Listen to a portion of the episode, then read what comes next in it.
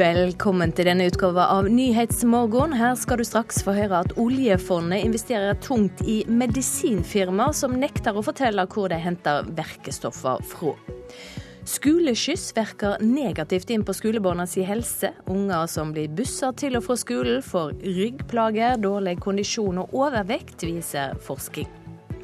For oss er det selvsagt å kunne tappe rent vann fra springen, men slik er det slett ikke for alle. I dag er det den internasjonale, internasjonale dagen for vann. Og afterski har vokst seg ut fra skistedene og inn i popkulturen.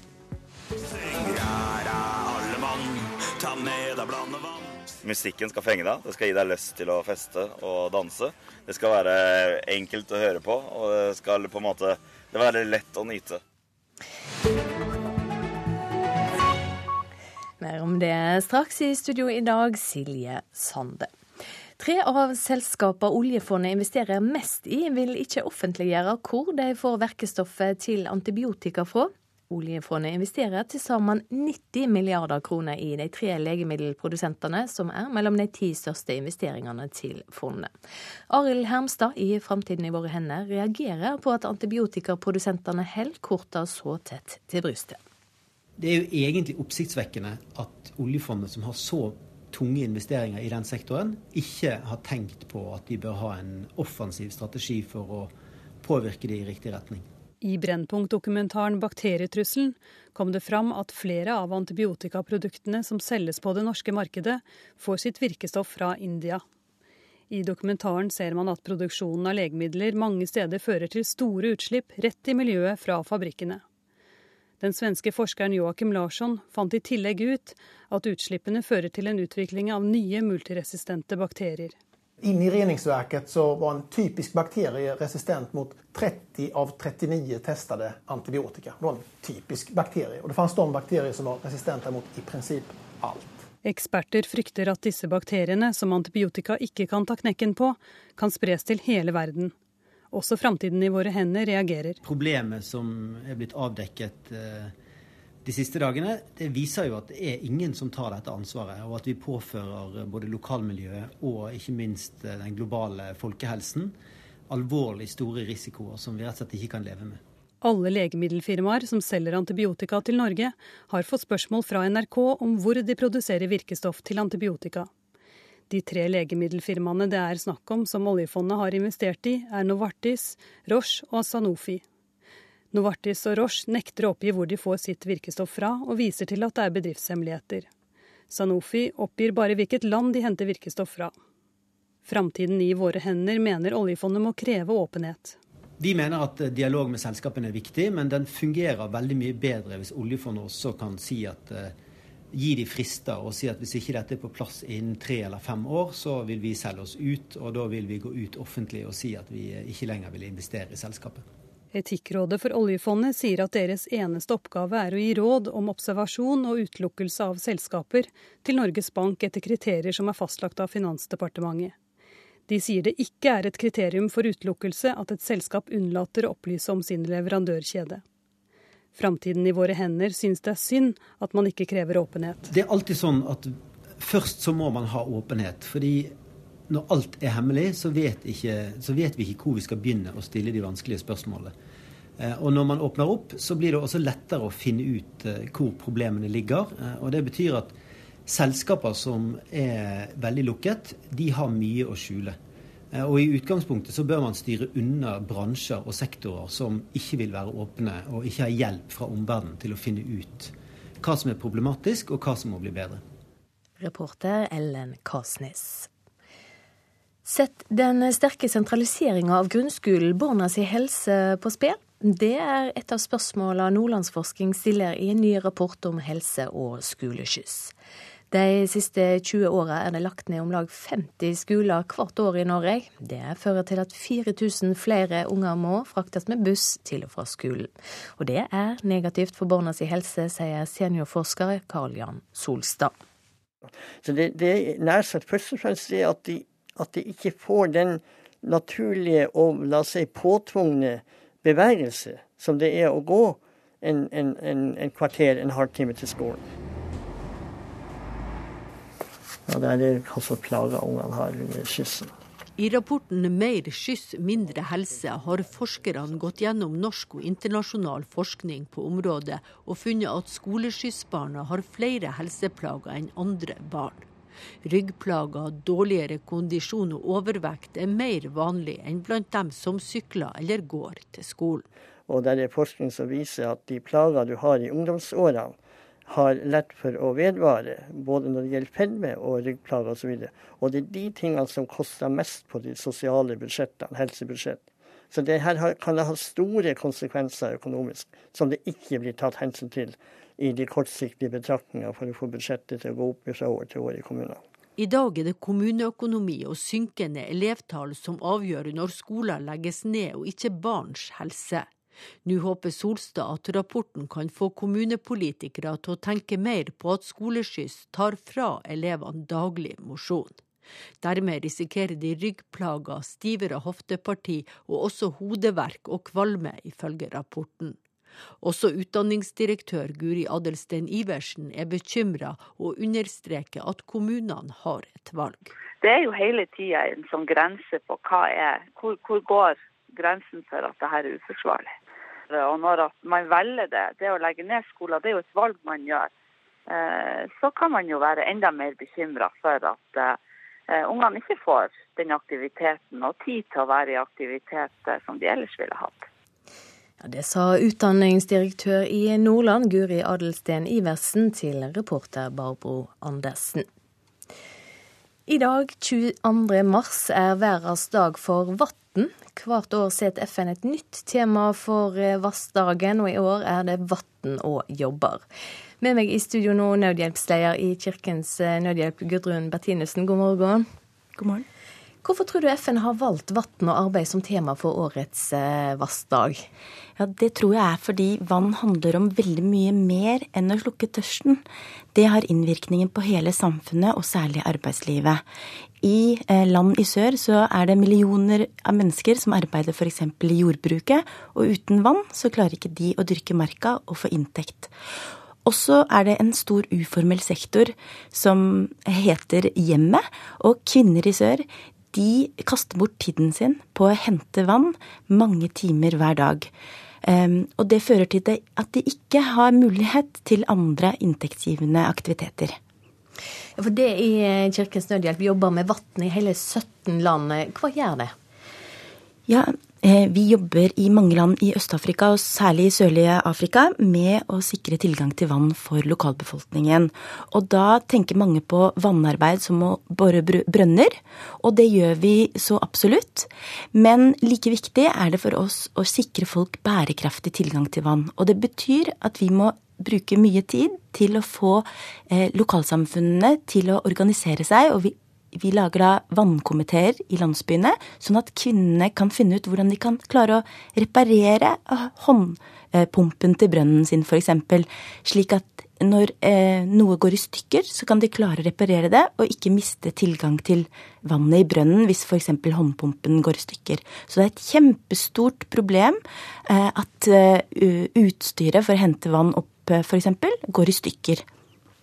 Det siste året har vi jo sett eh, svært mange mennesker på flukt. Hvordan er situasjonen for deg når det gjelder vann?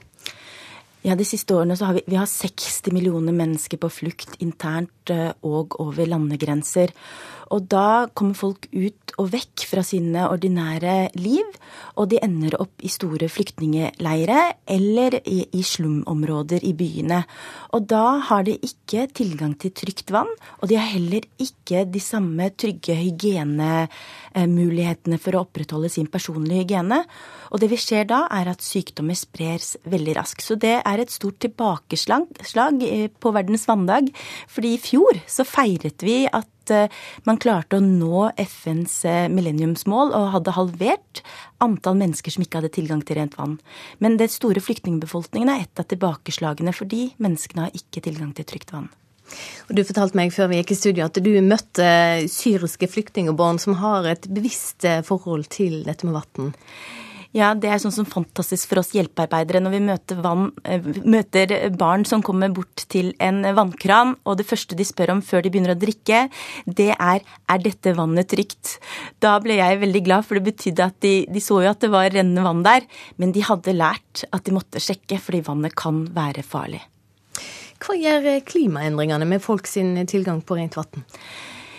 Ja, nå har vi en, eh, et nytt eh, værfenomen som eh, de fleste forskere argumenterer er pga. klimaendringer, og det kaller vi for El, Niño. Og det har ført til ekstremvær, som vi er kjent med særlig i, i, i Øst-Asia.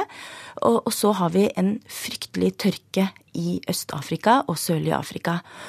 Og den er noe av det verste vi har sett på flere tiår, hvor eh, millioner i Etiopia, Malavia, Zambia, Zimbabwe er nå utrygge og har ikke mulighet Og det er stor matsikkerhet eh, i de landene pga. mangel på regn og, og, vann.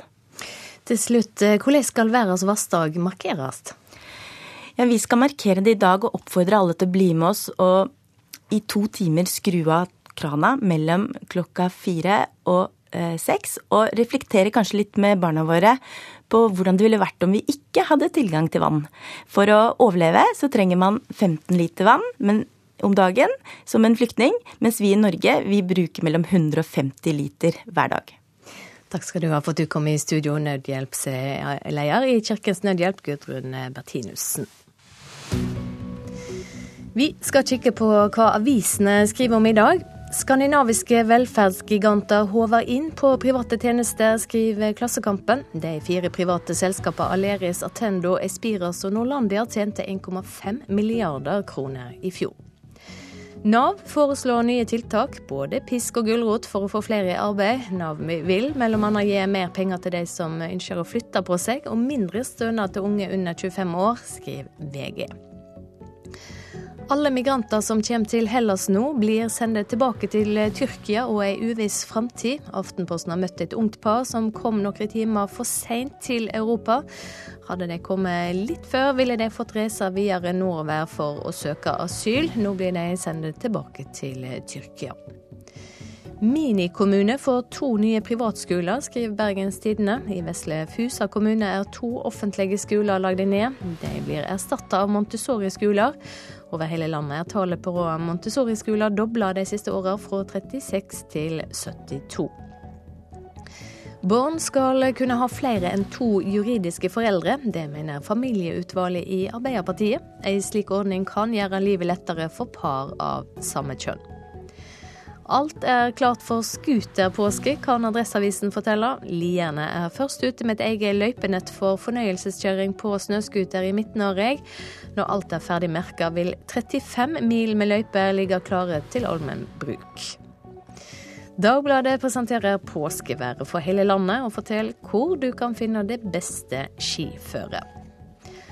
Oljekrisa endrer hyttemarkedet, skriver Bergensavisen. Folk er interessert i mindre og billigere fritidsbosteder. Ifølge eiendomsmeklere tenker mange seg godt om og er mer forsiktige enn før når de skal kjøpe. Forvalterne i oljefondet satser 800 milliarder kroner på å slå markedet. Det har de ikke klart, forteller Dagens Næringsliv. Aksjeplukkerne satser på alt fra raske biler til supermarkeder, bank og olje. Den best betalte oljefondtoppen tjener 8,4 millioner kroner i året.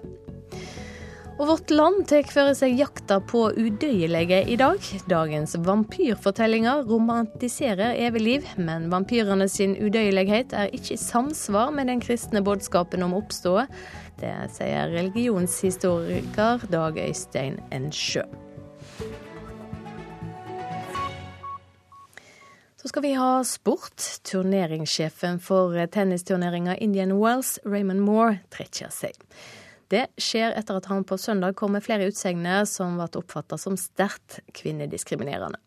Han sa mellom annet at kvinnelige tennisspillere er heldige som får de samme premiene som menn. If I was a lady player, I'd go down every, every night on my knees and thank God Roger Federer and Rafa Nadal were born. Raymond Moore har gjort seg selv svært upopulær med en rekke kontroversielle uttalelser om kvinnelige spillere, og måtte beklage utsagnet om at kvinnene burde gå ned på kne og takke Federer og co. for at de får såpass godt betalt. Han antydet også at de får betaling fordi de tar seg så godt ut. They, they også superstjernen Djokovic har sagt at han synes det er helt greit at jentene tjener bare halvparten av gutta. Serena Williams har ikke kommentert Djokovics utsagn, men reagerer kraftig på Moores syn. Det er upassende og nedlatende, sier hun.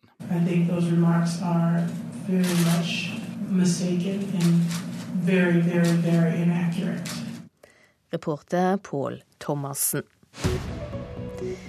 Klokka er 6.48. Dette er overskriftene nå her i Nyhetsmorgen.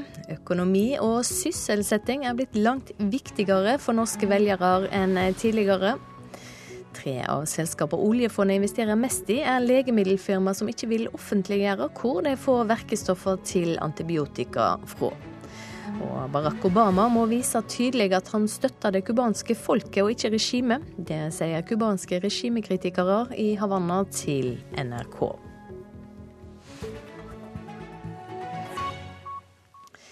Så skal vi høre at fire ingeniørstudenter fra Bergen skal bygge solenergianlegg til en barnehjem for gatebarn i Brasil. Studentene har gjort bachelorstudiet sitt ved å bygge opp dette bistandsprosjektet på egen hånd. I dag setter de seg på flyet til Brasil.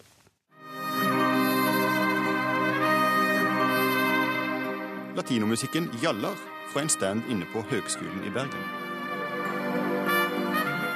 driftige ingeniørstudenter deler ut løpesedler. I korte trekk så skal vi installere et solcelleanlegg til et barnehjem i Brasil som skal selvforsyne barnehjemmet med strøm. Solcelleanlegget fra ingeniørstudentene vil bedre økonomien til barnehjemmet. Vi fant eh, rett og slett ut at hvis vi kan kutte strømregningen deres, så kan jo de bruke sine ressurser på eventuelt medisin, hygieneprodukter, mat og det som skal trenges. I tillegg skal vi installere LED-belysning, så vi skal belyse en fotballbane. Barna er redde for å være ute i hagen på kveldstid, med tanke på at Brasil er preget av mye kriminalitet, bl.a. rusmisbruk. Så kan jo det være en fin måte å aktivisere barna på, i hvert fall ungdommen, ved å gi dem utendørs belysning så de kan spille fotball på kveldstid. Hvordan fikk dere en sånn idé? Det startet egentlig med at vi ønsket å gjøre et bachelorprosjekt litt eh, utenom det vanlige. Noe med en samfunnsnyttig verdi. Vi har personlig gått rundt bedrifter og gjort litt eh, arbeid sjøl, og vaffelsalg og litt forskjellig. Vi har fått det til til slutt. Vi har et samarbeid med en veldedighetsorganisasjon som heter Education to be i Brasil. I dag reiser de til Brasil for å sette prosjektet sitt ut i livet. Så starter vi installasjonen fra 4. april. Så det blir spennende. De satser på at denne bacheloroppgaven vil gi dem en kickstart inn i en stram arbeidsmarked. Det kan jo være med på å gjøre man litt mer attraktiv. Vi ønsker å inspirere andre til det samme, fordi at den modellen vi bruker nå med å kutte eventuelt strømregningen til de som trenger det, kan gjelde både i Syria og Russland og hvor som helst der de trenger det. Det er noe som kan brukes overalt. Ja, studentene bak prosjektbrasil.no ble intervjua av Leif Rune Løland. Mediedekninga av priskrigen på smågodt før påske har vært enorm. Ifølge en opptelling NRK har gjort, er det de siste to ukene publisert 480 saker om smågodt i norske aviser og nettaviser. Men effekten for dagligvarekjedene er minimal, tror markedsføringseksperter. Nå skal lagene få hvert sitt påskeegg. Fredagsshowet Nytt på nytt har snakka om det. Det koster 2,90 for hekto med god påskeegg. Vi har sett saka i Dagsrevyen. Priskrigen på smågodt er farlig. Vi har hørt misnøye. Sjokoladen er jo vekke. Det var ikke så mye igjen her. Her var det tomt. Og vi har hørt glede. Det er billig, er ikke sykt. Det er gøy med priskrig. I tillegg til TV- og radiodekninga har norske aviser og nettaviser skrevet 480 saker om smågodt på to uker. Til sammenligning var det kun sju saker som inneholdt ordet smågodt før påska i fjor. All oppmerksomheten har ført til et enormt salg av smågodt, meldt Nyhetslunsj på P2 i går. Bunnpris og Coop har solgt 430 tonn smågodt på to uker. Medieomtale er vanligvis svært ettertrakta som effektiv og troverdig markedsføring, men i dette tilfellet har de 480 presseoppslagene ingen effekt, mener Trond Blindheim, rektor ved Høgskolen Kristiania. Alle har nå fått vite at det er sjokolade å få til 29 kroner kiloen i alle butikker, så å si. Markedsføringseksperten tror ingen av billigkjedene tjener på den siste priskrigen. Altså, det er et lokketilbud, en såkalt ned, sterkt nedsatt pris, for å lokke til seg publikum som handler stort til påsken. Og Det er jo det butikkene skal tjene på. Og så har alle har kommet på den samme tanken om at vi setter ned prisen på et relevant eh, lokkemiddel, altså sjokolade, påske, akkurat som det er ribbe til jul. Og, og dermed så, så, har det ikke effekt. Det er ganske dysfunksjonelt. Altså at eh, det blir ikke en annen fordeling av publikum på kjedebutikkene nå enn, eh, altså, enn det har vært tidligere. For så vidt enig med Trond Blinde, men eh, for vår del så er jo synlighet utrolig viktig. Det sier Bjørn Takle Friis, kommunikasjonsdirektør i Coop Norge. Han innrømmer at ekstrabutikkene nå taper store summer på smågodtsalget, men den ferske kjeden er med på priskrigen for å etablere seg som konkurrent til billigkjeder som Rema 1000 og Kiwi. Det koster penger, men for oss er det, er det viktig å være på, på folks radar når det gjelder lavpris. Selv om det av og til er er litt moralsk tungt når det gjelder usunne varer. Det er ikke godt av å drive sånn i lengden, og, og kjøpmennene våre er jo ikke glad for denne priskrigen. Det koster jo. Reporter her Torkil Thorsvik. Påska betyr hvite løyper og kos framfor peisen for noen, men for andre betyr det fest. Skistadene forteller at interessen for afterski har mangedobla seg de siste ti åra. Fenomenet har rett og slett vokst seg inn i popkulturen. Og artistene gnir seg i hendene. Staysman, Tix og Katastrofe har aldri hatt bedre dager. Bli med meg og Kaptein Morgan. Neste låt vil jeg gjøre enda dummere, enda mer harry og enda mer provoserende. Det folk liker med den sjangeren her, er at det er uh, høylytt. Man kan spille det høyt, og man kan rope ut teksten. Og teksten er så enkel og dum at alle klarer å synge med. Så har du hørt den sangen én gang, så kan du den sangen. Ellers så har du helt sjukt dårlig hukommelse. Syng her er alle mann, ta med deg blandevann og drikk deg til møkkamann. Nordmenn elsker afterski. Vi elsker afterski så mye at det har fått sitt eget landslag, der Staysman, Tix og Katastrofe er stjernespillerne. Da afterskilandslaget skulle holde konsert tidligere denne måneden, var det bare ett sted det var nok plass. Oslo Spektrum. Musikken skal fenge deg. Det skal gi deg lyst til å feste og danse. Det skal være enkelt å høre på, og det skal på en måte det være lett å nyte. Sier artist Stian Staysman Torbjørnsen. Afterski er ikke bare noe man gjør etter en dag i bakken lenger. Det er blitt en musikksjanger. En livsstil, i hvert fall for en dag. Men har de merka denne økningen i popularitet på fjellet? Ja, den har vært helt voldsom. Altså. Det, for ti år siden så uh var en kjempegod afterski. Det er bare normalen i dag. Så, så uh, du kan gange det både mot to og tre ganger uh, sånn som utviklingen har vært. Og den bare øker hele tida. Sier Geir Kålstrøm, ansvarlig for afterski på Hafjell. Også i Hemsedal har de merket det økende trykket. Derfor gjør Kalle Johansen seg klar til tidenes afterskifest. Der har du en lyd- og lysanlegg som er helt på nivå med ja, i hvert fall ikke de største klubbene. Så, så vi, ser vi i hvert fall mot Pacha Las Vegas.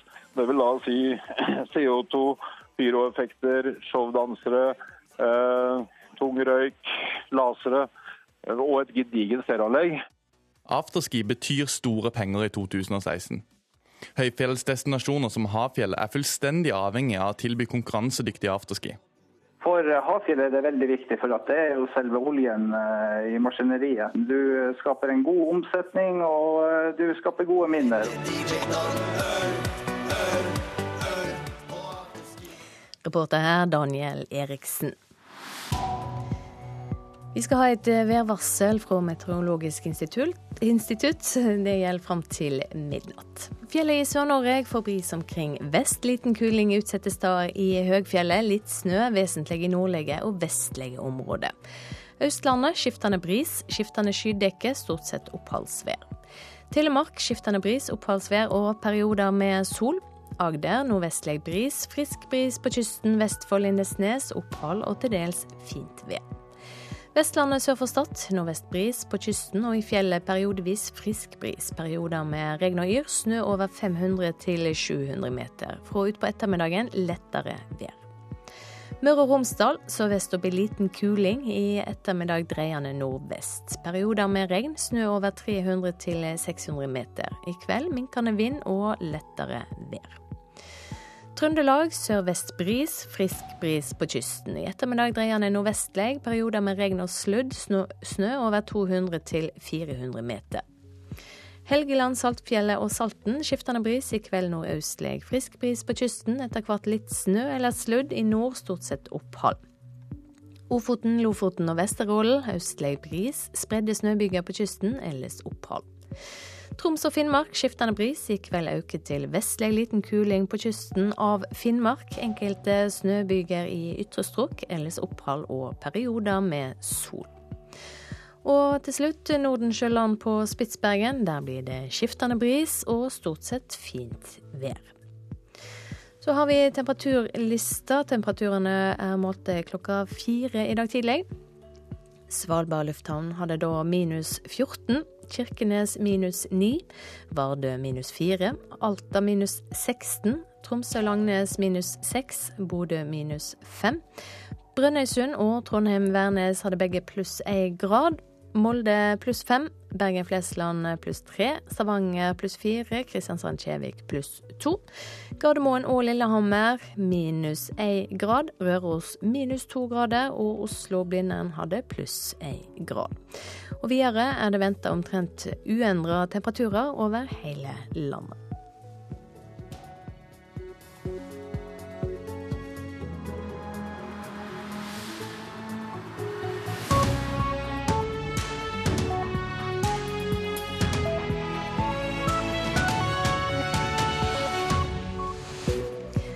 I Nyhetsmorgen skal vi straks høre hva som er det aller viktigste for norske velgere nett nå. I USA har Donald Trump presentert hva utenrikspolitikk han vil føre dersom han blir president. En av lovnadene er å stå last og brast med Israel. Og den cubanske presidenten Raúl Castro avviste temaet med politiske fanger på den felles pressekonferansen han hadde med Barack Obama i Havanna i går kveld. Nå skal vi ha politikk. It's the economy, stupid. It's the economy, stupid. You know, it's the economy, stupid. Ja, uttrykket 'It's the economy stupid' var mantra blant valgkampstrategene til Bill Clinton da han vant presidentvalget i USA i 1992. Og nå er økonomi også i ferd med å bli svært viktig for norske velgere. I ei kartlegging Norstat har gjort, sier de norske velgerne at det bare er skolepolitikk som er viktigere enn økonomi og sysselsetting. Og ifølge velgerne er det Høyre som har den beste politikken nettopp på dette feltet. Det passer statsminister Erna Solberg godt. Dette var ikke noe vi begynte med når, når, oljeprisen begynte å falle. Høyre snakket om behovet for å ha flere ben å stå på, norsk konkurransekraft, i mange år. Sier statsminister Erna Solberg når hun kommenterer undersøkelsen Norstat har gjort for NRK om hvilke saker som er viktigst for deg og meg. Skole troner igjen på toppen. 25% svarer det er viktigst. Men kategorien økonomi, sysselsetting og industri er nå den nest viktigste saken.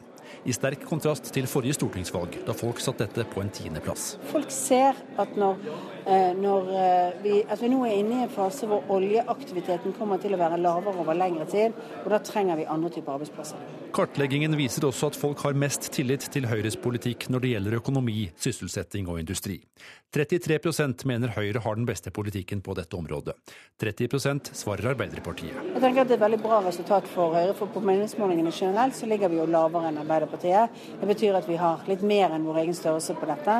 Men jeg tror også at det reflekterer at vi har vært opptatt av dette over lang tid. Vi er enige om mye i Norge, men her er det faktisk noen ganske klare ulike veivalg. Sier Arbeiderpartileder Jonas Gahr Støre.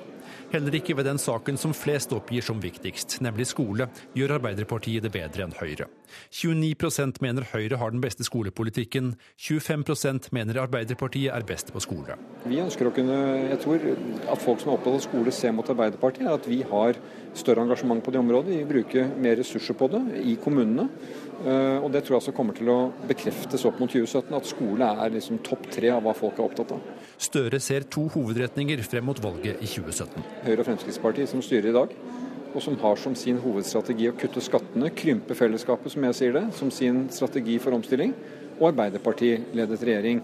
Så mener vi må investere i folks kompetanse, kunnskap, og i en, eh, et arbeidsmarked som tar vare på folks rettigheter, så det er trygt å skifte jobb. Vi er ikke en regjering som kommer til å være i mål med alt vi ønsker å gjøre eh, i 2017. Eh, vi er godt i gang, men vi skal gjøre mye mer. Og der, vi har mange ideer som vi skal komme frem med fremover. Reporter her Fredrik Lauritzen. Og dette blir det debatt av, kollega Astrid Randen. Ja, det blir det. Har Arbeiderpartiet mista grepet om ei av sine kjernesaker, nemlig sysselsetting? Partiet som alltid har hatt mantraet 'hele folk i arbeid'. I eh, de tre viktigste sakene for velgerne står det 2-1 mellom Arbeiderpartiet og Høyre. Nestleder i Arbeiderpartiet Trond Giske møter eh, Henrik Asheim i Høyre til duell i Politisk kvarter klokka kvart på åtte. I tillegg så skal vi møte en partileder som forsvinner fra norsk offentlighet eh, ei stund. Knut Arild Hareide fra KrF skal nemlig ut i pappaperm, men ikke før han har vært innom hos oss og fått spørsmål om refleksjonstid før abort, og hva han mener om forslaget fra hans egne partifeller om å fjerne hele pappakvota.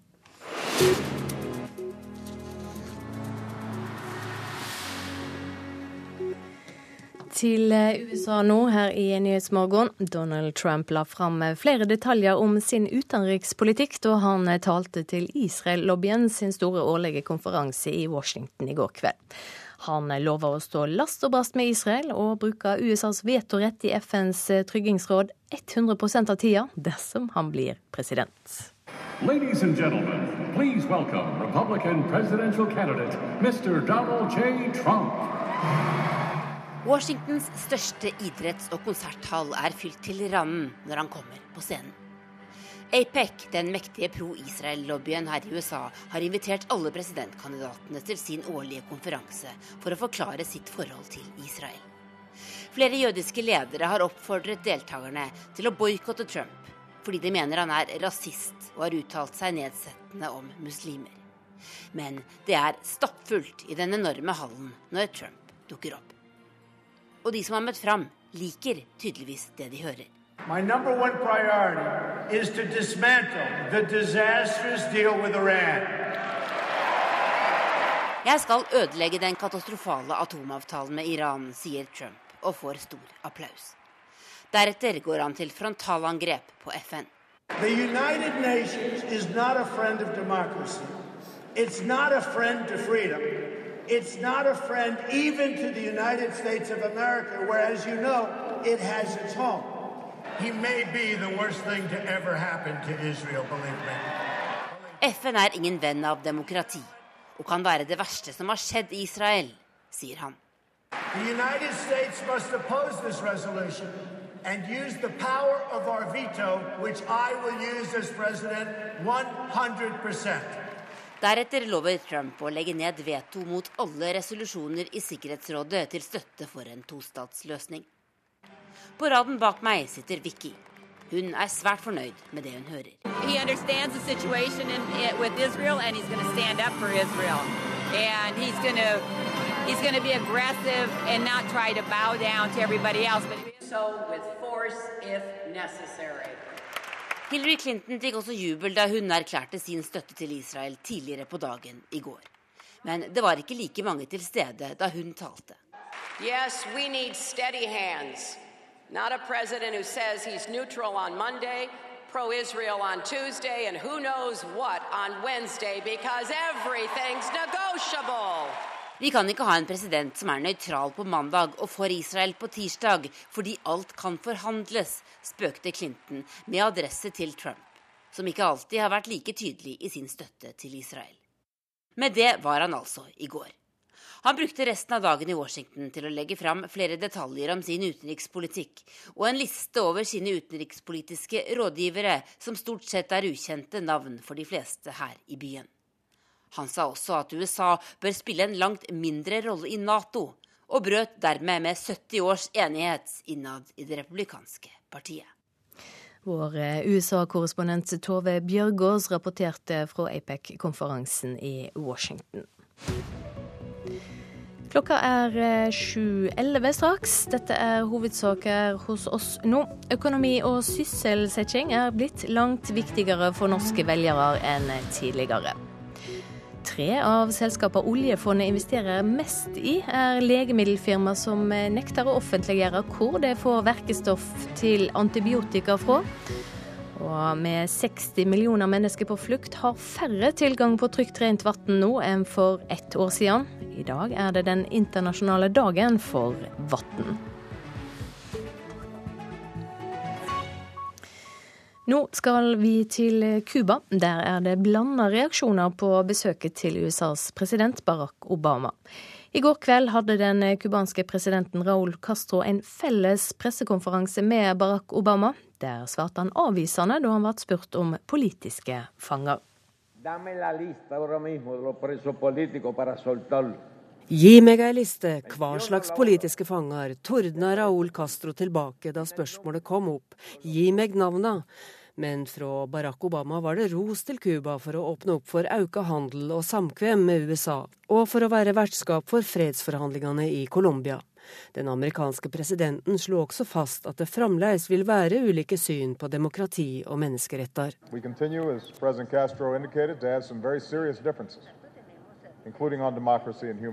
Obama framheva den åpne og direkte tonen, men kunne ikke gi klart svar på når den amerikanske handelsblokaden vil bli fullstendig oppheva.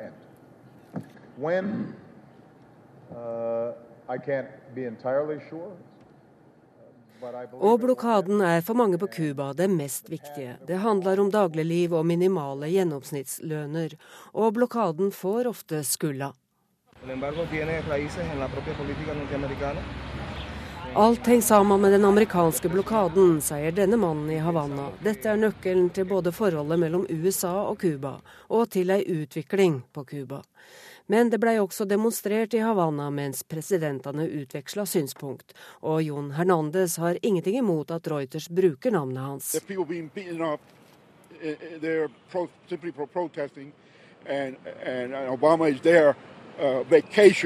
Her blir folk banka opp mens de protesterer, mens Obama i realiteten er på en ferietur, kritiserer han. Mens de aller fleste blant demonstrantene mest av alt ser ut til å uttrykke det samme hastverket. Mange vil ha forandring nå på Cuba. Det sa utenriksmedarbeider Sigrun Slapgard. Obama må vise tydelig at han støtter det cubanske folket og ikke regimet. Det sier flere cubanske regimekritikere til NRK. De tror talen Obama skal holde til cubanerne bare timer før møtet, kan ha stor eh, betydning for fokuset på menneskeretter i landet. På Cuba er politisk opposisjon forbudt. Mange som har kritisert styresmaktene, er blitt fengsla. Vi er hjemme hos regimekritikere i Havanna. Utenfor står en hvit politibil med blålys på taket og passer på. Dissidentene er bekymret for en kamerat og ringer.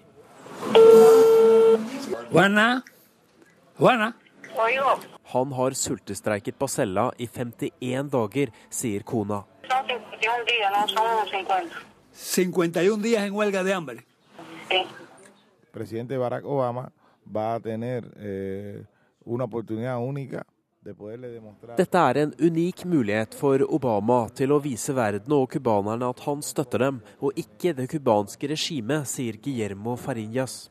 Han kalles Cubas Gandhi og har et forsiktig blikk. Farinjas har sultestreiket over 20 ganger og har sonet nesten fem år i fengsel etter å ha snakket om korrupsjon og sensur. Jeg vil høre Obama snakke om ytringsfrihet og menneskerettigheter i talen sin, sier Farinjas. Regimet har alltid brukt uvennskapet med USA som en unnskyldning for at ting ikke fungerer på Cuba.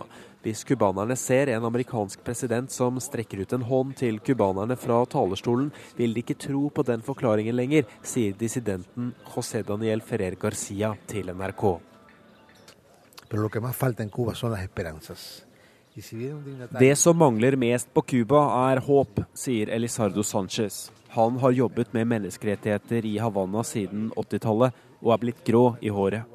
Ifølge aktivistene han leder, har cubanere blitt pågrepet og holdt igjen av politiet av politiske grunner i gjennomsnitt rundt 700 ganger i måneden de siste årene. Myndighetene nekter for at det finnes politiske fanger på Cuba. Det viktigste for cubanerne er å høre en statsleder utenfra som kan gi dem tro på framtiden, selv om livet er vanskelig nå, sier Sanchez. existe un futuro para Cuba. Eso es muy importante. Vår eh, reporter i Havanna er Haldor Asvald. Med meg i studio nå, statsviter og cubakjenner Borghild Tønnesen Krokan. Du har bodd på Cuba og skriver også ei bok om Cuba. Hvordan skal vi tolke Raúl Castro sitt avvisende svar da han ble spurt om politiske fanger på pressekonferansen i går kveld? Ja, Cuba er jo en eh, ettpartistat med dårlig nettilgang, og det er tydelig at Raúl Castro ikke er vant til å svare på spørsmål fra en fri presse. Og det tok ikke lang tid eh, i går før en liste sirkulerte på sosiale medier med, med, navn på politiske fanger. Men altså etter å ha hatt eh, verdens eh, mektigste land som en forsonlig fiende i over 50 år, så er det kanskje ikke så rart at Cubas ledere eh, framstår som litt paranoide og kontrollfikserte, for CIA har jo bomba cubanske passasjerfly og hoteller og forsøkt å drepe Castro mange, mange ganger. Men Cuba kan ikke lenger beskylde alle som er uenige med dem, eh, for å stå i ledtog med fienden og for å være leiesoldater. Andre ønsker nå å, å slippe til eh, og bidra eh, til utviklinga av Cubas økonomiske og politiske system. De ønsker ytringsfrihet. Vi hørte her at Obama skal møte cubanske regimekritikere i Havanna i dag. Hva betyr det?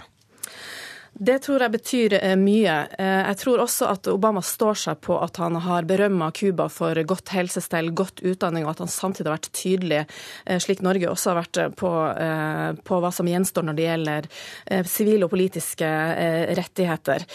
Så det at han møter cubanske regimekritikere er viktig både for, for det hjemlige publikum, men også for, for dissidenter på Cuba. Ja, for eh, Castro avviste at det finnes eh, samvittsfanger. Hvordan blir eh, regimekritikere behandla på Cuba? Det nye mønsteret er eh, korttidsforvaringer, at man trakasserer eh, regimekritikere. Tar dem inn for et par timer, et par dager kanskje, eh, og deretter slipper de løs igjen. Så det, er, eh, det ser ut som det er færre eh, fanger som blir sittende i mange år, slik det, slik det, var tydelig. Det er lettere å snakke fritt på Cuba, men samtidig så er det en vilkårlig behandling av, av regimekritikere på Cuba. Barack Obama er altså den første presidenten fra USA som besøker Cuba siden 1928. Hvordan er han blitt eh, mottatt? Han har blitt veldig godt uh, mottatt. Han er en, uh, en populær mann på Cuba. Og det at han sjøl kommer, gir jo også håp for, for fremtida for mange cubanere. Husk at uh, gjennomsnittslønna på Cuba er 20 dollar måneden. Og, og, og, det er nå håp om at eh, Cuba og USA kan samarbeide både om økonomi, men også om andre viktige spørsmål som miljø, eh, helse, eh, narkotika og andre spørsmål som er viktige for, for naboer å diskutere. Hvordan står det til med økonomien på Cuba og hos folk flest? Den cubanske økonomien er kriseramma etter 50 års embargo, men også etter 50 eh, år med strengt styrt eh, planøkonomi. Så de fleste cubanere har nok med å, å, eh, det daglige strevet og fikse og trikse for å få, for å få endene til å, til å møtes. Hva med de unge? Hva ønsker de unge på Cuba? De, ønsker, de, unge ønsker å bruke sin utdannelse og sitt, sitt, talent til å bidra til å utforme det Eh, det cubanske samfunnet. Husk at etter f.eks. kanskje seks års eh, gratis universitetsutdannelse, så tjener de gjerne 20 dollar i måneden og kan heller ikke snakke fritt, og kan bare i begrensa grad eh, bidra økonomisk på Cuba. Nå har jo også Cuba åpna opp økonomisk. Mer enn en halv million cubanere jobber for seg sjøl. Men, men, fortsatt er det mye som, som gjenstår. Vil du si at det er håp om ei anna framtid? Det er flere som, som har håp om en, en bedre framtid, men det går, det går sakte på Cuba. Vi ser også at det er, mens veldig mange turister ønsker å besøke Cuba før det er for sent, så er det mange cubanere som ønsker å besøke USA før det er for sent. Fordi at Fram til nå så har jo cubanere hatt en privilegert tilgang til USA. De har gått rett forbi meksikanere og andre fordi de er cubanere og blir ansett som politiske flyktninger. Nå kan denne døra lukke seg, de må kanskje stille seg bak i køa bak folk fra Guatemala og, og, og Mexico, som mange eh, benytter anledninga og drar før det er for sent, men kan nå også da forhåpentligvis komme tilbake. Takk for at du kom i studio, statsviter og Cuba-kjenner Borghild Tønnesen Krokan. Vi skal kikke på hva avisene skriver om i dag. Nav foreslår nye tiltak, både pisk og gulrot for å få flere i arbeid. Nav vil bl.a. gi mer penger til de som flytter på seg, og mindre stønad til unge under 25 år, skriver VG. Skandinaviske velferdsgiganter håver inn på private tjenester, skriver Klassekampen. De fire private selskapene Aleris, Attendo, Espiras og Norlandia tjente 1,5 milliarder kroner i fjor. Alle migranter som kommer til Hellas nå, blir sendt tilbake til Tyrkia og ei uviss framtid. Aftenposten har møtt et ungt par som kom noen timer for sent til Europa. Hadde de kommet litt før, ville de fått reise videre nordover. Nå blir de sendt tilbake til Tyrkia. Minikommune får to nye privatskoler, skriver Bergens Tidende. I Vesle Fusa kommune er to offentlige skoler lagd ned. De blir erstatta av Montessori-skoler. Over hele landet er tallet på Montessori-skoler dobla de siste åra, fra 36 til 72. Barn skal kunne ha flere enn to juridiske foreldre. Det mener familieutvalget i Arbeiderpartiet.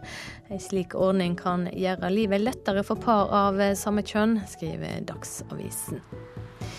Oljekrisa endrer hyttemarkedet, forteller Bergensavisen. Folk er interesserte i mindre og billigere fritidsbosteder. Ifølge eiendomsmeklere tenker mange seg godt om, og er mer forsiktige enn før når de skal kjøpe.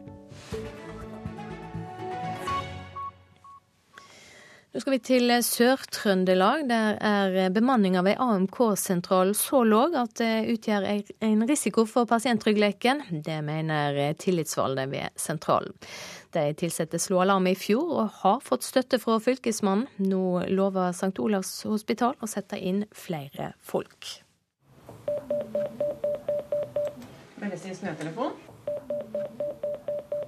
Hvis det er et sykt barn, eller at du har noen foreldre som er kjemperedde i den andre enden, så vil du gjerne prate med dem. Hjelpe dem til at ambulansen på, kommer til stedet. Birgit Brødreskift er sykepleier, tillitsvalgt og tar imot mange 113-telefoner ved AMK-sentralen i Sør-Trøndelag.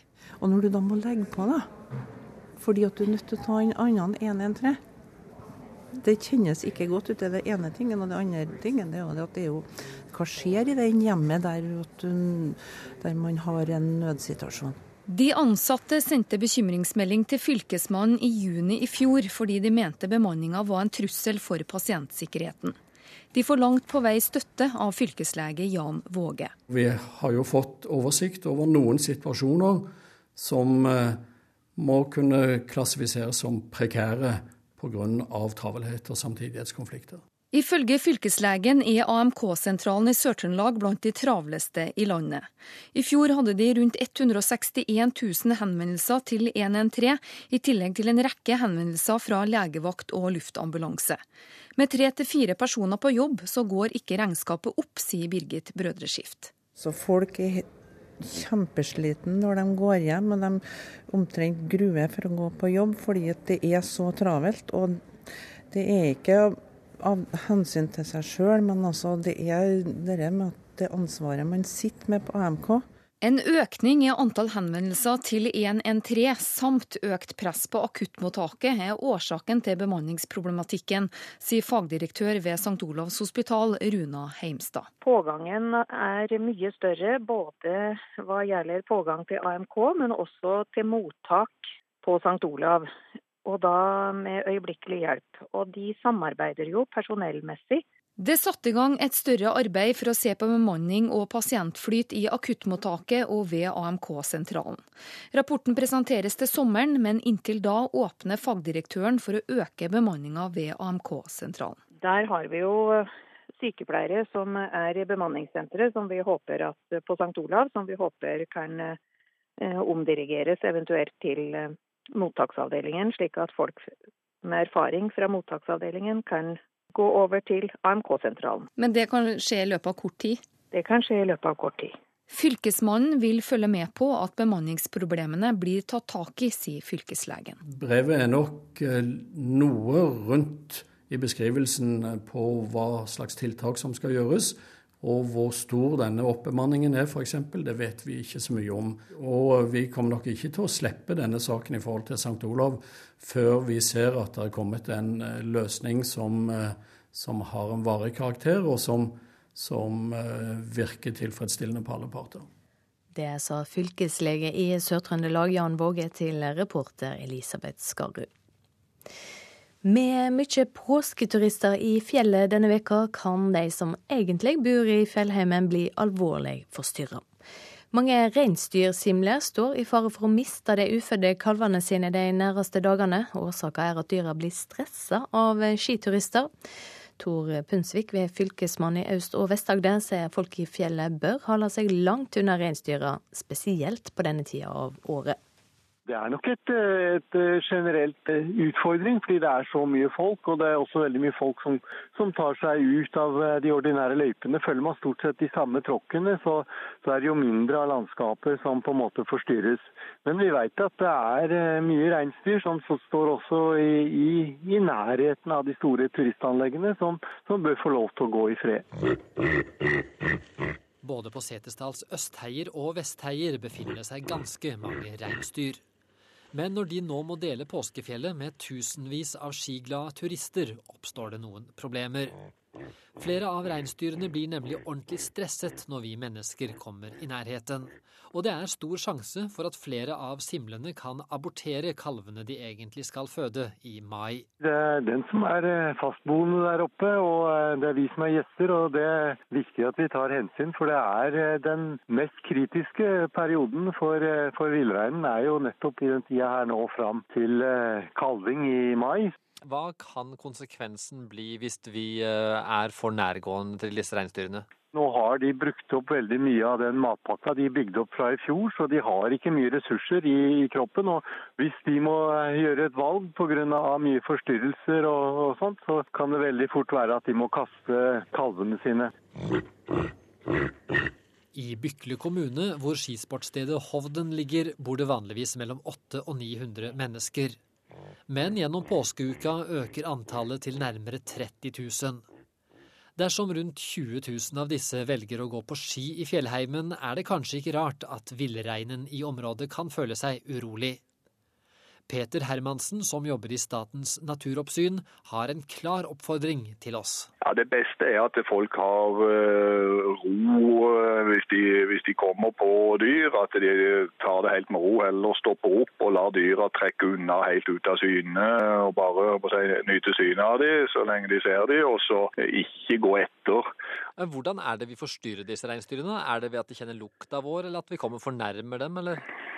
Det er begge deler. De er jo veldig vare for lukt.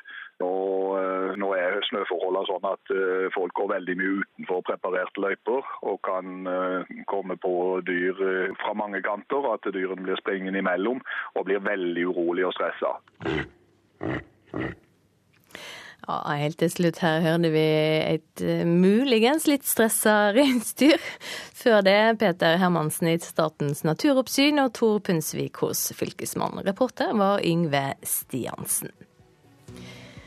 USAs president Barack Obama reiser videre fra Cuba til Argentina i kveld. I reportasjen om drøye ti minutter skal vi høre hva som står på programmet når han kommer dit.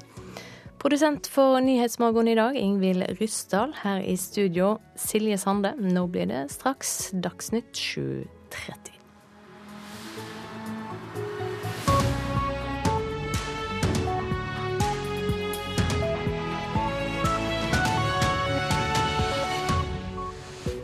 Det har altså vært flere eksplosjoner i dag tidlig på flyplassen i Brussel. Du får selvsagt mer om det her i Nyhetsmorgen så raskt det kommer inn flere opplysninger.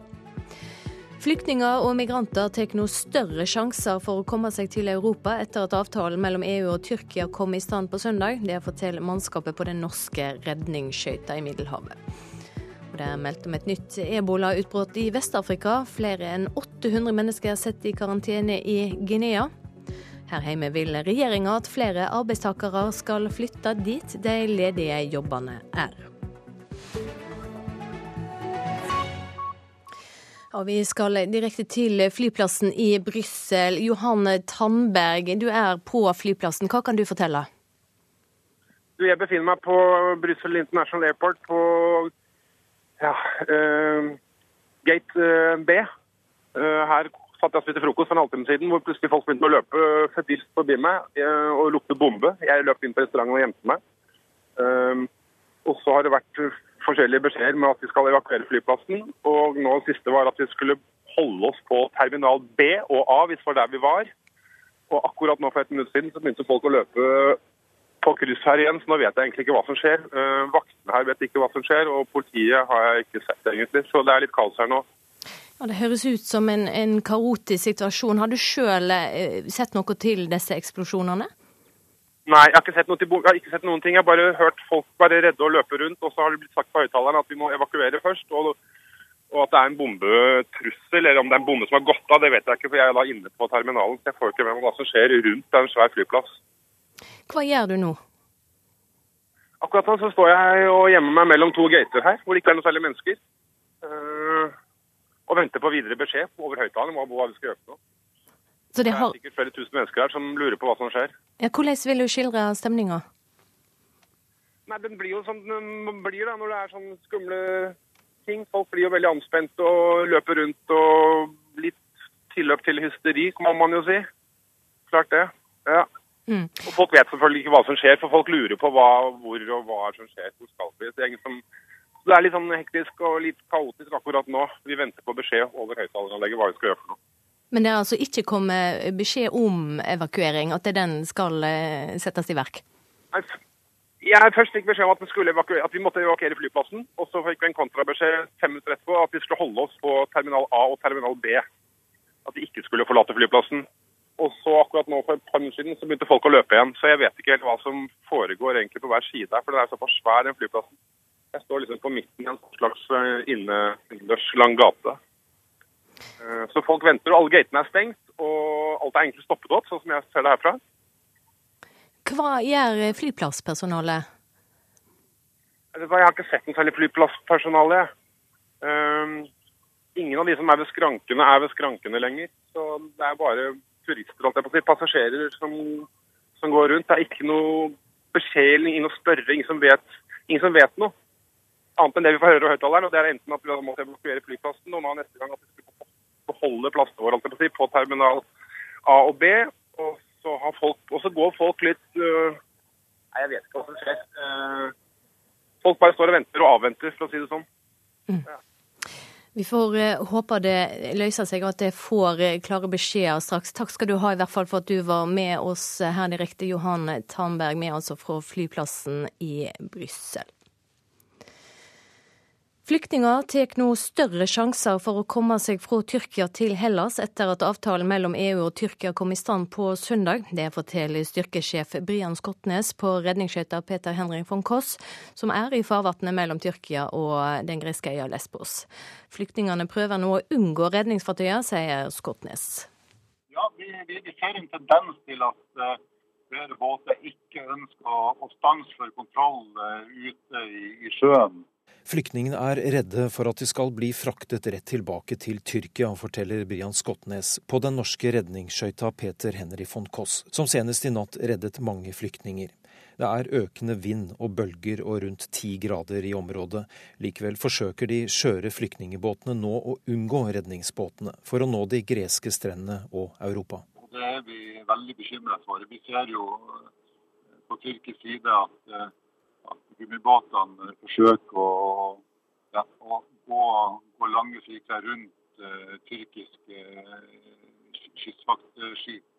sånn at uh, det fremstår som de er mer desperate og er nok eh, mye mer risikovillige enn de har vært før. Etter at avtalen mellom EU og Tyrkia trådte i kraft på søndag, har den tyrkiske kystvakten forsterket kontrollen. Og det betyr også at færre menneskesmuglere er med i båtene, sier Brian Skotnes. Det, vi ser, er at det har vært mindre skrogbåter med, med menneskesmuglere som har eh, kommet over. Og jeg tror nok at uh, disse fasilitatorene innser uh, at sjansen for å bli pågrepet er betydelig større nå og den nye situasjonen der flyktningene er villige til å ta mer risiko, og menneskesmuglerne heller ikke er med i båtene, så er det større sjanse for at flere mister livet på veien over til Hellas. Vi ser at det er mye flere barn som, som kommer over nå. og ut fra værforholdene nå, så er det veldig mange som, som blir nedkjørt og trenger rask behandling. Så vi fikk eh, bistand av frivillige båter som hadde lege om bord i. Og I en av båtene så var det to som, eh, som døde idet de ble tatt i land. Som trolig pga. Eh, generell nedkjøling og, og, at det er veldig trangt og, og at de blir trampa på i, i, i båtene. Ja, Brian Skotnes er styrkesjef på redningsskøyta Peter Henry von Koss, reporter Lars Håkon Pedersen. Så er det akkurat kommet inn melding om at det er flere omkomne etter flyplasseksplosjonene i Brussel. Flere mennesker er døde etter eksplosjonene på Brussel lufthavn. Det opplyser brannvesenet på staden til kringkasteren VRT. Det skriver avisa Standard. Og vi kommer selvsagt tilbake til dette. Til Guinea nå i Vest-Afrika. Der har helsestyresmaktene sett 816 personer i karantene fordi de kan ha vært i kontakt med ebolasmitta. Så langt er det meldt om fire døde i det nye utbruddet av den dødelige virussykdommen sørøst i landet. Kunngjøringa om utbruddet kom få timer etter at Verdens helseorganisasjon hadde sagt at det hittil siste ebolautbruddet i nabolandet Sierra Leone var over. KrF-leder Knut Arild Hareide vil ikke fjerne fedrekvoter, slik flere i partiet hans tar til orde for. Et av forslagene til nytt partiprogram for KrF er å fjerne de ti ukene som far er sikra i dag. Men Hareide vil heller at fedrekvoter skal økes. Ja til obligatorisk 14 uker for pappa. Og nei til å fjerne og la foreldre bestemme fritt sjøl. Ja, for da tror jeg at eh, det vil for, og vi har sett nå bare den nedgangen fra 14 til 10 uker, så har det gjort at mange tar ut mindre pappapermisjon enn de har gjort tidligere. Så det er effekten av den endringen som skjedde eh, to år tilbake i tid. Dagens regler for foreldrepermisjon går ut på at ti uker etter fødsel er forbeholdt mor og ti uker far. Resten av tiden kan foreldrene fordele fritt, men blir ikke tiukerskvoten brukt, forsvinner den. Ifølge Hareide har fedrekvoten gjort mye med samfunnets syn på far og barn. Bare den samfunnsholdningen vi har greid å skape, og med å ha en obligatorisk tid, gjør jo at alle tar at de som har en mulighet til å ta pappapermisjon, det er en forventning som ligger der. Jeg har sjøl ikke møtt noen negative reaksjoner på at jeg tar ut pappapermisjon. Det tror jeg er bl.a. pga. de politiske tiltakene vi har hatt, og at det har bygd òg en holdning. Og jeg tror ikke vi er kommet langt nok til å si at nå skal det ikke være noen pappakvote i det hele tatt. Sier Knut Arild Hareide, som nå forsvinner en stund fra politikken. Årsak han skal ut i tolv ukers lang pappaperm. Så Jeg gleder meg til det, og jeg skal være så ærlig å si at eh, jeg er jo pappa til to små. Eh, men litt av min hverdag så gjør at jeg føler ikke får nok tid sammen med deg. Så ikke minst minstemann får jeg nå veldig mye tid med de neste ukene. Så det gleder jeg meg veldig, veldig til. Ja, Det sa KrF-leder Knut Arild Hareide, reporter Fredrik Lauritzen, og du hører også programleder for Politisk kvarter, Astrid Randen. Regjeringa vil at flere arbeidstakere skal flytte dit de ledige jobbene er. I fjor mista litt under 100 personer dagpenger fra Nav fordi de ikke ville flytte. I år kan enda flere miste dagpengene, for nå har regjeringa stramma inn på reglene. Det sier statssekretær i Arbeidsdepartementet Tor Kleppen Sette. Signalet er helt klart. Kan du få jobb et annet sted, så skal du gjøre det. Og så finnes det selvfølgelig ting i regelverket som tilsier at du kan ta hensyn til familiære forhold, sosiale forhold. Men utgangspunktet må være at den som kan forsørge seg sjøl, skal gjøre det gjennom arbeid. Det betyr altså at hvis du mister jobben og ikke finner jobb der du er, så må du flytte på deg, hvis ikke mister du dagpengene? Det er helt klart at det er utgangspunktet, ja. Intervjuer var Irina Kjelle, og Nav foreslår å gi pengestøtte til folk som enten vil flytte eller pendle til en ny jobb. Det skriver VG i dag. Så skal vi tilbake til eksplosjonene på flyplassen i Brussel. Reporter Lars Håkon Pedersen, hva kan du fortelle? Ja, Det siste nå er at um, ifølge brannvesenet på, på, flyplassen, altså denne hovedflyplassen i Brussel, så er det flere som er uh, døde. Um, etter altså disse to eksplosjonene som skjedde uh, litt før uh, klokka åtte i morges. Ehm, det var eh, først én eh, eksplosjon, så var det en kraftigere eksplosjon etterpå. Eh, visstnok ved innsjekkingsskrankene i avgangshallen. Og vi har jo sett bilder av folk som løper fra stedet, og vinduer er blåst ut. Og det er altså flere som skal være døde. Klokka er eh, straks 8.45. Overskriften nå her i Nyhetsmorgen. Flere mennesker er altså døde etter at det har vært flere eksplosjoner på lufthavna i Brussel, sa Ventem for kort tid siden. Det opplyser brannvesenet på flyplassen. Flyktninger og migranter tar nå større sjanser for å komme seg til Europa etter at avtalen mellom EU og Tyrkia kom i stand på søndag. Det forteller mannskapet på den norske redningsskøyta. Og det er meldt om et nytt ebolautbrudd i Vest-Afrika. Flere enn 800 mennesker er, i, er satt i karantene i Guinea.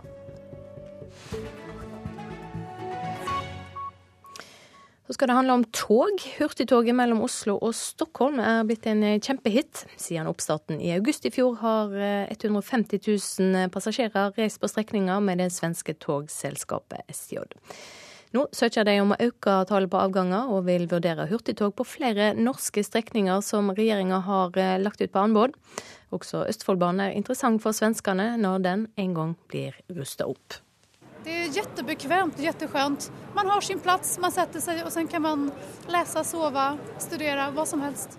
Agnes Auer er på vei til jobben sin ved Den norske opera, og er en av 150 000 som har reist med hurtigtoget mellom Oslo og Stockholm siden det startet opp i august i fjor. Hun har regnet ut at hun bruker fire timer med fly og fire og en halv time med toget. Da er det enkelt å velge tog. Man åker fra sentrale Oslo, kommer direkte til sentrale Stockholm. Det er liksom ingen omveier, det er bare direkte inn til staden. Det er veldig bekvemt. Bodil Frølik er enig. Etter at hurtigtoget startet opp, er det ikke lenger fly på henne. Jo, men det fungerer alles utmerkt. Så det, ja, jeg liker å åke tog. Men fly, da? Det tar du ikke lenger? Det var lenge siden. Ja. SJ het tidligere Statens Jernvegar, og nå vil de med sitt prestisjetog X2000 få flere til å velge tog fremfor fly. Karolin Aastrand, som er produktdirektør i SJ, er svært fornøyd med responsen så langt. Hva vi ser er at vi har en økning i resende på togene mellom Oslo og Stockholm som er over 50% Så det er jo veldig fine tilveksttall. Så vi er kjempefornøyde. Vi tycker det är jättekul att se också att det är väldigt många eh, norrmän som har hittat till tåget. Alltså det, det verkar tilltalat. Att vi har haft många svenskar tidigare som har åkt till Oslo så, men nu ser vi verkligen att det är eh, jättefina eh, tillväxttal liksom håll. Det är vi jättenöjda med. Nå vil de ha en enda større del av det norske togmarkedet, og søker Jernbaneverket og Trafikverket om å øke antall avganger fra tre til fem hver eneste dag samtidig som de følger nøye med på bl.a. Sørlandsbanen, Dovrebanen og Nordlandsbanen, som er lagt ut på anbud. Ja, jeg kan jo ikke bekrefte noe sånt, men vi, vi følger med spenning. Og det tror jeg veldig mange operatører gjør. Tror du det kan bli interessant for dere å legge inn et bud her? Ja, vi, titt, vi tittar på de mulighetene. Uh, for, altså, underlaget for, for de opphandlingene har jo ikke kommet ut ennå. Det, det, blir en videre analyse, men, uh, men vi tittar på det. Også Østfoldbanen er interessant for svenskene når den en gang blir rustet opp.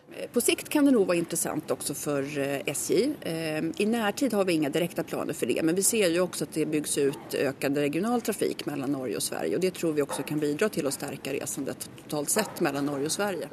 NRK har vært i kontakt med flyselskap som sier de foreløpig ikke merker økt konkurranse fra Hurtigtoget. Men for Agnes Auer blir det ikke fly hvis hun ikke må. Nej, det gör jag inte. Eh, inte om jag inte måste. For det går ikke, altså, når alt funkar så går det ikke mye, mye snabbere ändå. Så at, ja. Det svenske selskapet vil søke om å øke fra tre til fem daglige avganger mellom Oslo og Stockholm, og håper å starte opp i desember i år. Til slutt hørte du Agnes Aue, reporter i denne saka Anette Torjussen. Så tar vi opp at, at um, to eksplosjoner har råka Brussel lufthavn, Saventem. Ifølge brannvesenet på staden er flere mennesker døde, og det er også skadde. Det blir mer om det om litt her i Nyhetsmorgen.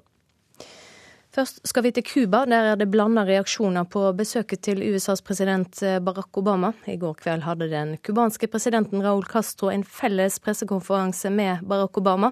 Der svarte han avvisende da han ble spurt om eh, politiske fanger. Gi meg ei liste, hva slags politiske fanger, tordna Raúl Castro tilbake da spørsmålet kom opp. Gi meg navna. Men fra Barack Obama var det ros til Cuba for å åpne opp for auka handel og samkvem med USA, og for å være vertskap for fredsforhandlingene i Colombia. Den amerikanske presidenten slo også fast at det fremdeles vil være ulike syn på demokrati og menneskeretter.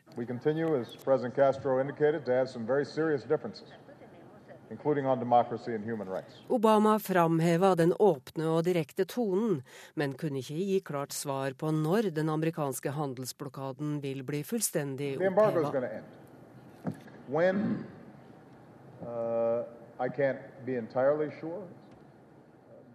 Og blokaden er for mange på Cuba det mest viktige. Det handler om dagligliv og minimale gjennomsnittslønner, og blokaden får ofte skylda. Alt henger sammen med den amerikanske blokaden, sier denne mannen i Havanna. Dette er nøkkelen til både forholdet mellom USA og Cuba, og til ei utvikling på Cuba. Men det ble også demonstrert i Havanna mens presidentene utveksla synspunkt. Og Jon Hernandez har ingenting imot at Reuters bruker navnet hans. Eh, eh,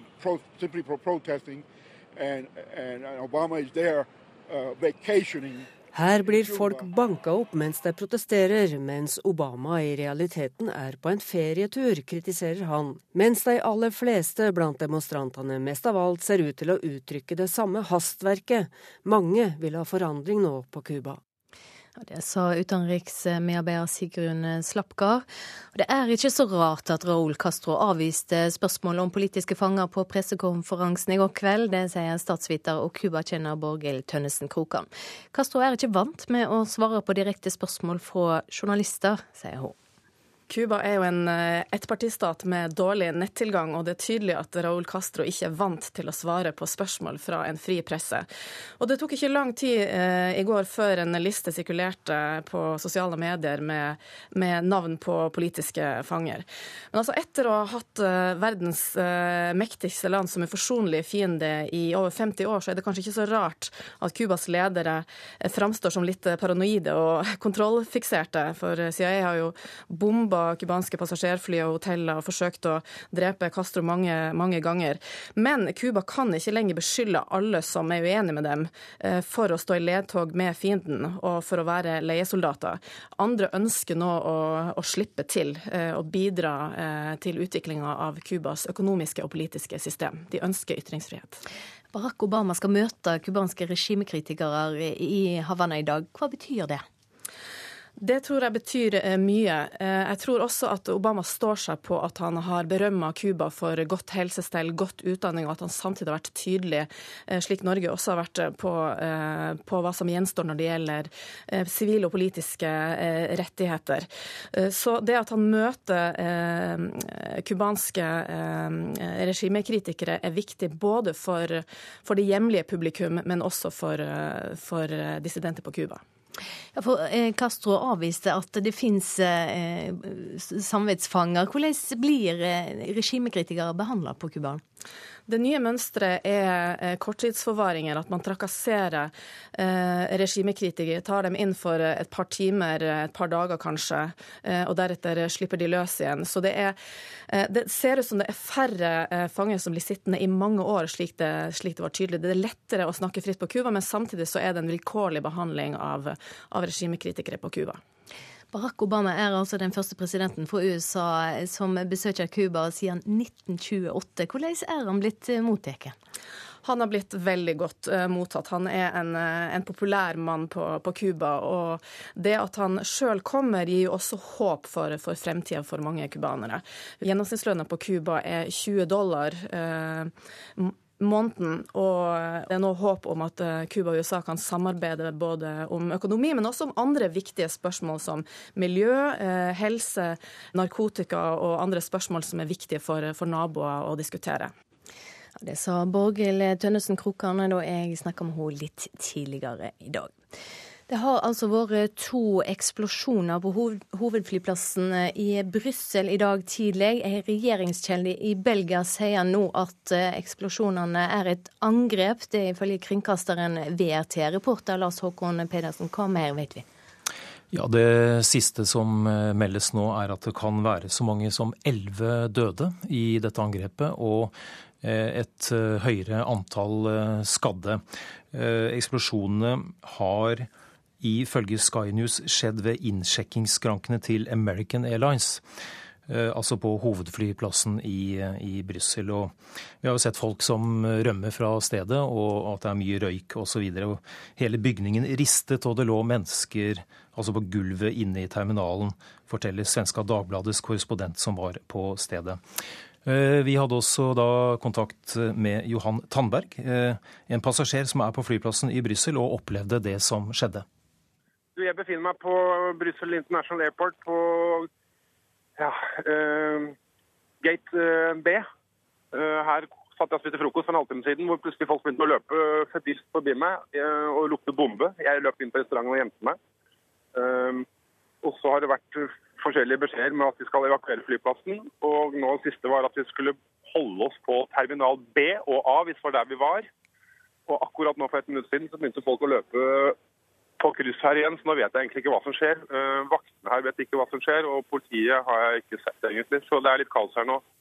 Ja, Det høres ut som en, en kaotisk situasjon. Har du sjøl uh, sett noe til disse eksplosjonene?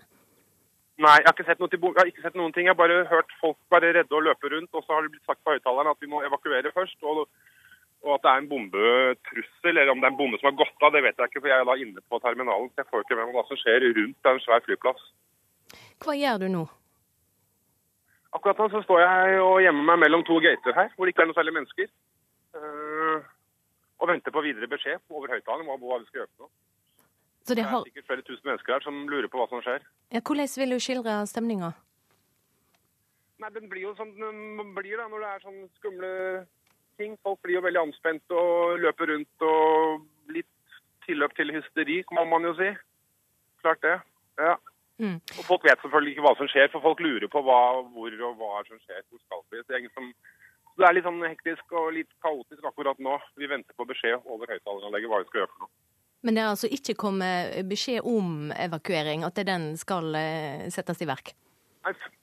Jeg først fikk beskjed om at, at, vi måtte evakuere flyplassen. Og så fikk vi en kontrabeskjed fem minutter etterpå at vi skulle holde oss på terminal A og terminal B. At vi ikke skulle forlate flyplassen. Og så akkurat nå for et par minutter siden så begynte folk å løpe igjen. Så jeg vet ikke helt hva som foregår egentlig på hver side her, for den er såpass svær, den flyplassen. Jeg står liksom på midten i en slags eh, innendørs lang gate. Eh, så folk venter, og alle gatene er stengt, og alt er egentlig stoppet opp, sånn som jeg ser det herfra. Det sa passasjer Johan Tandberg da vi snakka med ham for eh, vel 20 minutter siden. Han er altså på flyplassen i Brussel, der det har vært to eksplosjoner. Det blir meldt om eh, omkomne og også flere skadde. Nå skal vi gjøre et sprang her. Meteorolog Rafael Escobar Løvdahl, eh, vi må snakke litt om været. Og det blir veldig, veldig bra på Sørlandet, sa du til meg før vi gikk i studio. Ja, de blir værvinnere nå. Blåser fra nordvest, på Sørlandet og til dels også i Telemark. Så mye sol i de områdene. Riktignok noe mer skyet inn mot fjellområdene. Temperaturene vil nok nå en ti grader de varmeste stedene. Kommer du videre nordover mot østlandsområdet, vil det være noe mer skyet, men også her kan stedvis noe sollet og stort sett oppholdsvær. Hvem er det som får det dårligste været det neste døgnet? Dårligste været i form av nedbør er nok Trøndelag opp til Bodø som vil få det, altså i sørligste delene av Nordland. Men det blir også litt nedbør på Vestlandet sør for Stad og også i Møre og Romsdal. Eh, men det ser ut til at sør for Stad på Vestlandet der så blir det nok noe lettere vær i kveld. Vindmessig opp i en liten kuling fra vest i fjellområdene og stedet også på kysten av Trøndelag og opp til Bodø. Så får man eh, noen snøbyger i Nordland, eller nord for Bodø og opp mot eh, Troms og Finnmark, men steder litt sol innimellom. Og når det går mot kveld, så vil man få en økning i bygeaktiviteten, og man vil få en vestlig liten kuling på kysten av eh, Finnmark. Så får vi ta med at på Spitsbergen her blir det også mye pent vær. Takk skal du ha, Rafael Escobar Løvdahl. Ansvarlig for nyhetssendingene i dag, Erlend Rønneberg. Produsent for Nyhetsmorgen, Ingvild Ryssdal. Teknisk ansvarlig Espen Hansen og programleder Silje Sandes takker straks for følget.